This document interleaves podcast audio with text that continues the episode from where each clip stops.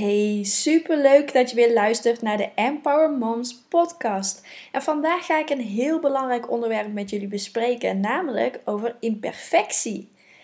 Perfectie bestaat namelijk niet. We willen heel graag heel perfect zijn. We willen de perfecte moeder uithangen. De enige perfecte moeder is de imperfecte moeder. We kunnen nou eenmaal niet alles perfect doen als moeder, hoe graag we het ook zouden willen. En ik snap het, we willen het allemaal goed doen. En we willen het beste voor ons kind. En we willen het beste voor onszelf. We willen een leuke partner. We willen dat het huis op orde is. En dat is ook heel erg logisch. Maar daardoor leg je jezelf ook een enorme druk op. En het is niet haalbaar om alles perfect in orde te hebben. Die tijd heb je niet, die energie heb je niet. En dat kun je ook niet verwachten van jezelf. Want als je dat verwacht van jezelf, dan raak je heel erg gestrest als het toch niet gaat lukken. Jouw verwachtingen creëren jouw realiteit. En als jij bepaalde verwachtingen hebt dat het allemaal perfect moet zijn, dat het allemaal leuk moet zijn, en het valt uiteindelijk toch tegen, dan roept dat heel veel negatieve gevoelens op.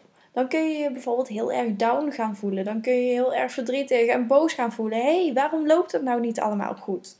Maar dat komt omdat jij bepaalde verwachtingen hebt. En die verwachtingen als die daar niet uitkomen, dat is gewoon niet heel erg leuk. Ik ben ook zeker niet perfect. Ik ben geen perfecte moeder. Ik heb al heel veel fouten gemaakt sinds ik moeder ben. En dat hoort er ook gewoon bij. Je kunt niet alles perfect doen. En dat leer ik de moeders in mijn programma ook. Je kunt niet verwachten door de dingen die jij leert of door de dingen die jij doet.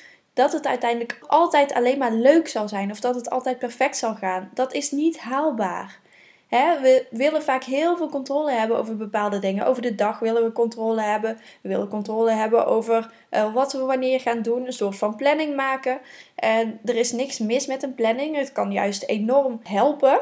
Maar er zit ook een valkuil in. Want als je je daar dus aan gaat vasthouden en het loopt dus niet zoals jij van tevoren had bedacht, kan dat heel erg gaan tegenvallen. En ik heb zelf ook heel veel situaties meegemaakt waarin blijkt dat ik ook geen perfecte moeder ben. En ik denk dat het juist fijn is als ik dit soort momenten met jullie deel. En dat het gewoon niet perfect hoeft te zijn, maar dat het gewoon menselijk is, weet je? We mogen dat stukje menselijkheid meer naar boven halen.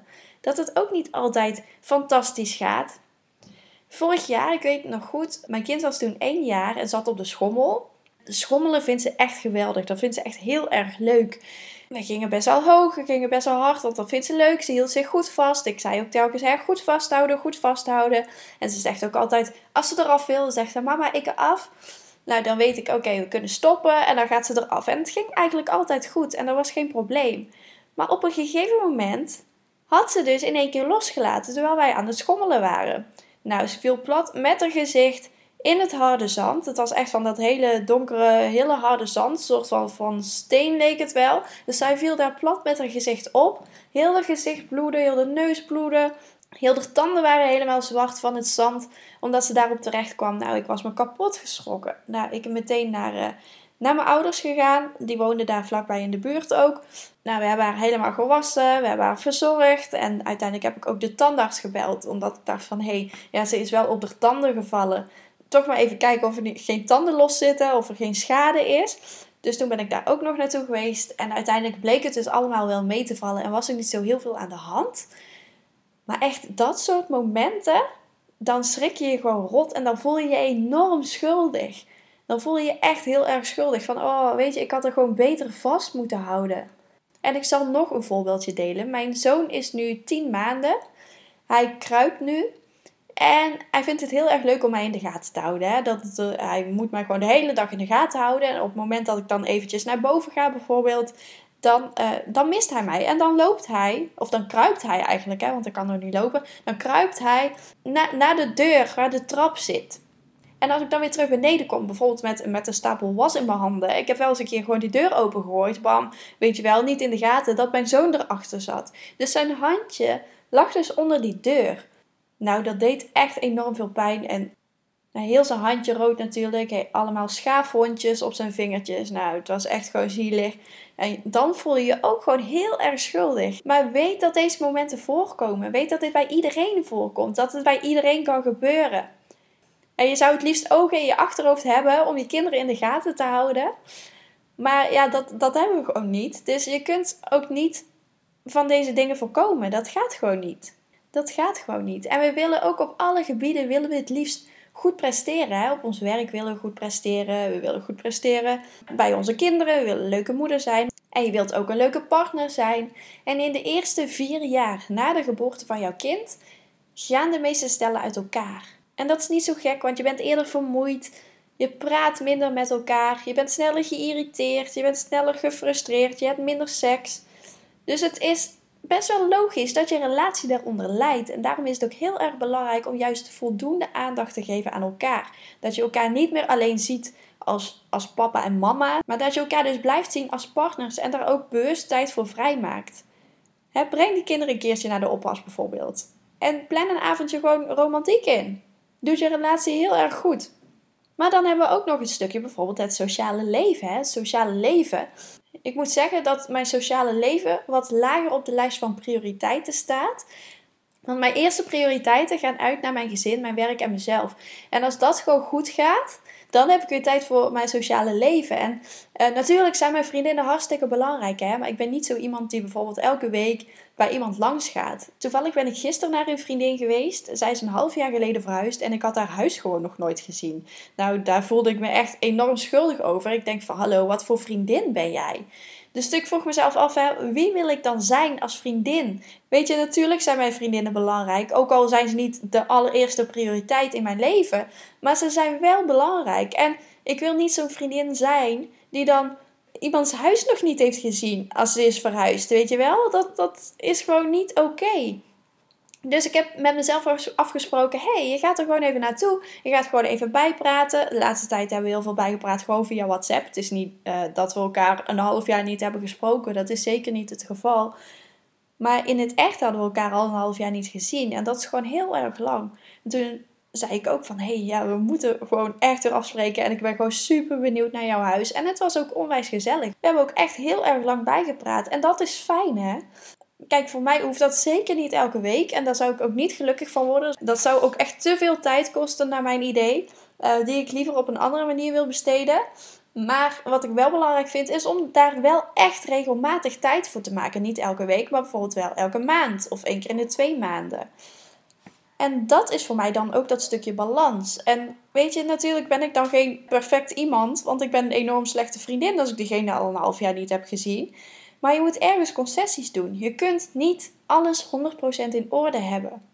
En dat is wat ik hier eigenlijk mee probeer te zeggen. Kies jouw prioriteiten. Wat is voor jou belangrijk? En voor mij is dat het stukje moederschap, het stukje van mijn gezin, dat dat gewoon goed loopt en dat ze op mij kunnen bouwen. En is dat stukje van uh, werk. Werk is voor mij ook heel belangrijk. Dat ik even gewoon met andere doelen bezig kan zijn. Dat ik even met andere dingen bezig kan zijn. En het stukje tijd voor mezelf. Het stukje tijd voor mezelf is echt iets waar ik elke dag bewust tijd voor maak. En de rest, hè, sporten, sociaal leven, dat soort dingen, komt daar weer omheen. Als die eerste prioriteiten goed zijn, als die eerste, ja, als die belangrijkste dingen gewoon goed lopen, dan heb ik in mijn hoofd daar weer ruimte voor. En voor iedereen is dat anders. Hè? Ik bedoel, mijn prioriteiten hoeven niet jouw prioriteiten te zijn. Dus denk hier eens over na. Wat vind jij belangrijk? Misschien vind jij het wel belangrijk om elke week met je vriendinnen af te spreken. En dan zou ik zeggen, hè, doe het gewoon. En zo is het voor iedereen weer anders. Maar weet je wat er gebeurt als wij ons geen perfecte moeder voelen? Als wij ons niet perfect voelen in al die rollen die we moeten vervullen, dan gaan we ons schuldig voelen. En schuldig, dat is echt een rotgevoel. Dat is echt een rotgevoel wat je niet wilt hebben. En eigenlijk ben je dan al te laat met jouw prioriteiten stellen. Want hey, je voelt je schuldig omdat je bepaalde dingen niet hebt gedaan. En dan kun je kijken, wat zou je de volgende keer anders doen? Waar ligt dat dan aan? Waar is het eigenlijk misgegaan? Of ja, niet misgegaan, maar waar liep het niet zo lekker? En hoe kun je dat de volgende keer aanpakken? Want juist in situaties die niet helemaal goed lopen, dat zijn echt van die leermomenten. Daar kun je heel veel uit halen. En ik, wat ik ook nog wil meegeven aan jullie, is dat stukje ja, het gevoel dat gewoon alles op orde moet zijn. Daardoor leg je jezelf een enorme druk op. En bedenk ook, waar doe je jouw kinderen meer een plezier mee? Dat jij ze aandacht geeft, dat jij in hun nabijheid bent, dat ze bij jou terecht kunnen. Of denk je dat ze meer gebaat zijn bij een schoon huis of dat jij perfect gestyled bent? Maakt het ze echt uit dat jij hè, een leuk jurkje aan hebt of dat jij drie dagen met ongewassen haar op de bank zit? Weet je, het maakt hun echt niet uit. Als jij er maar bent. En juist die prioriteiten op orde stellen zorgt ervoor dat jij dus meer aan kunt. En dat jij minder het gevoel hebt van hé, hey, je doet het niet goed. Maar dat is niet zo, hè, want jij doet je best. En dat jij je hier überhaupt zorgen over maakt, hè, of je het allemaal wel goed doet, dat zegt dat jij gewoon een ontzettend goede moeder bent. Want als jij je hier niet druk om zou maken, dan zou het je allemaal niks meer uitmaken. En juist dan moet je je zorgen maken. Ik ben heel erg benieuwd wat jullie van deze podcast vonden. Of je er iets aan hebt gehad. Wat, wat jouw inzicht is geweest. Zou je het me willen laten weten? Ik zou het heel erg leuk vinden als je een reactie wil achterlaten. Mocht je meer informatie willen over mij of mijn bedrijf Empower Moms, ga dan naar empowermoms.nl met de letter M. En dan wil ik je heel erg bedanken voor het luisteren en tot de volgende keer.